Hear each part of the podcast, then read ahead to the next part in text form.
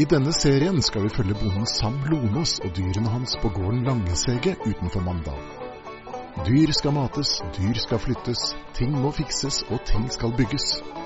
Men én ting er viktig for Sam. Dyrene skal ha det godt, og gården skal drives fornuftig. Men helt som alle andre gårder er den ikke. Det er sånn, De har jo nok ikke mer enn tre-fire års levetid, disse granstokkene. Men jeg tenker sånn om, om tre-fire år så har jeg lyst til å gjøre det helt annerledes allikevel. Kan jeg bare begynne helt på nytt. Istedenfor å kjøpe inn masse dyre materialer og sånn, og må bare bruke det som er her. for å legge planene litt deretter. Det koster visst nok å holde på.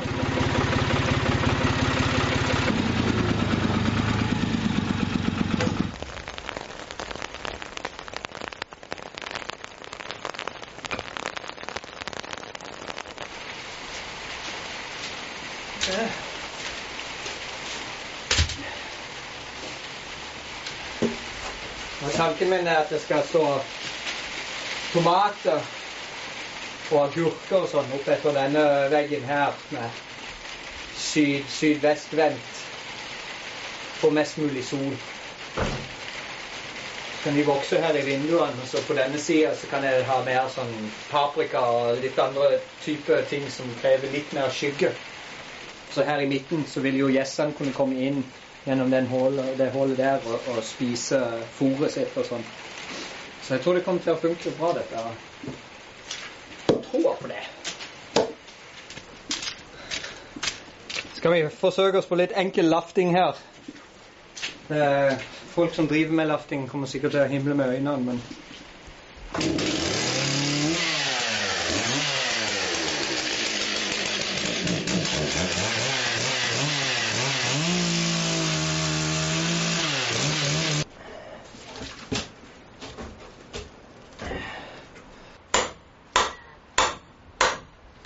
Jeg går veldig fornøyd.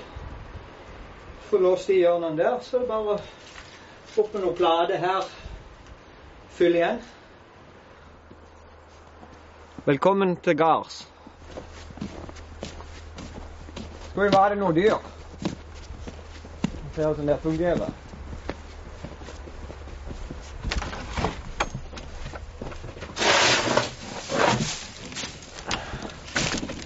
Den blinker, da. Går på avtale med to butikker. Så jeg henter frukt og grønnsaker. Det går jo til villsvinene hovedsakelig. Det er jo helt ufattelig hvor mye mat som blir kasta i norske butikker. Det er galskap. Jeg har, på to butikker så har jeg to sånn 110 liters uh, søppeldunker. Og de er stappa fulle. To, to til tre ganger i uka så er de stappa fulle med ting de bare kaster. Noe av det er til og med økologisk. Og det er jo så Optimalt så skulle jeg jo gjerne ha drevet hele gården økologisk, men Jeg kan jo egentlig ikke gjøre det så lenge jeg fôrer på frukt og grønnsaker fra butikkene, for det er jo ikke alt av det som er økologisk. Og da kan jeg da ikke si at det er et økologisk drift.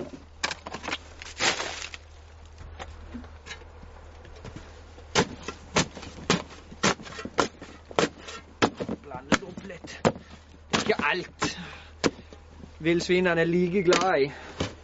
Sånn som for eksempel paprika og sånne noen ting. Brokkoli og blomkål. Det er ikke det første de spiser. Ja, det er klart. Bon appétit.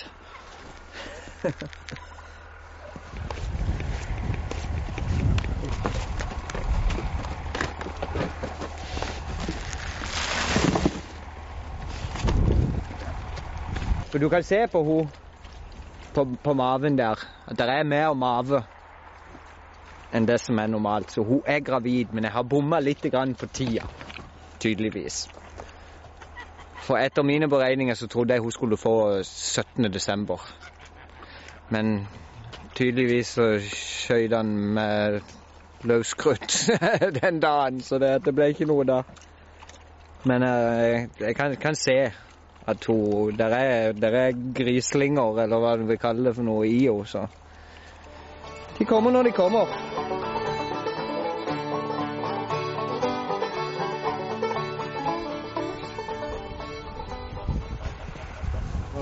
Her og banke løs noe, noe vann til dem. Knus isen litt, så vi kan få noe å drikke.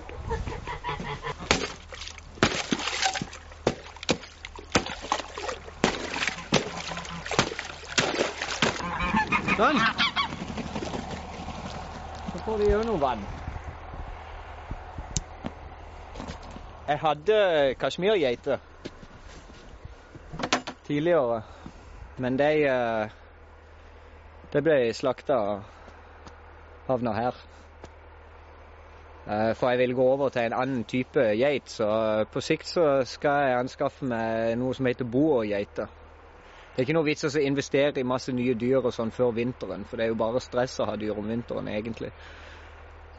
Så jeg, jeg venter til våren, men da kan det være til våren så skaffer vi noe boergeiter. De er litt dyre i innkjøp. Men vi får se. Den tid, en sorg. Eller glede. Avhengig av hvordan du ser det. Nå prøver jeg å gi litt sånn variert kost til fuglene òg.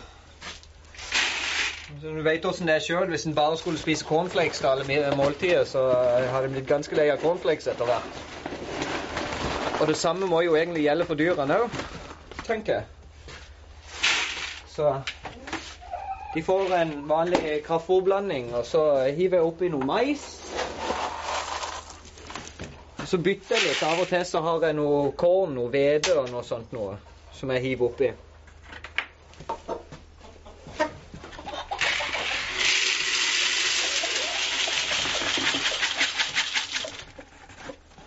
Denne hønseflokken og disse endene de spiser ca. en sånn bøtte om dagen. Litt gøy. Vi har kommet inn i en periode igjen hvor de legger en del egg nå. Så er det noen ender som har begynt å legge. Der har du egget fra moskusene. Nå har du egget fra disse dverghønsene mine. Og de eh, Andeggene de er jo fantastisk gode å, å bruke i bakverk og sånn noe. Det er en del, det er mye høyere proteininnhold i de, tror jeg. Tror jeg. Uten at jeg vet det. Men det er jo du merker det at det, det, det hvite, eggehvite er mye tjukkere på er fantastisk god smak i det. Det er nesten som en slags Det smaker nesten sopp av det. Kalkuner legger jo òg egg, men, men, de er jo veldig sesongbaserte. Så de legger bare i sommerhalvåret. Det, det hender av og til at det er en av de som blir litt forvirra, og så plutselig så popper de ut et egg om vinteren. Men når jeg ser en det har sånn prikker på så det er faktisk et kalkunegg. Så var det en som var litt forvirra. Her ute, når jeg legger de ut her, her er det jo bare et par-tre plussgrader. Og da holder disse eggene glatt eh, en måned. en av de store utfordringene på vinteren, det er vann. Og som alle vet, så Vann fryser når det er kaldt, og da er det ikke så godt å drikke. Og Det er de færreste dyrene som syns det er noe gøy å måtte tygge is for å få i seg dette. her. Så da blir det jo hver dag å bære bøtter med vann. Mye vann til kuene først. De drikker jo en De drikker jo glatten 25-30 liter med vann om dagen.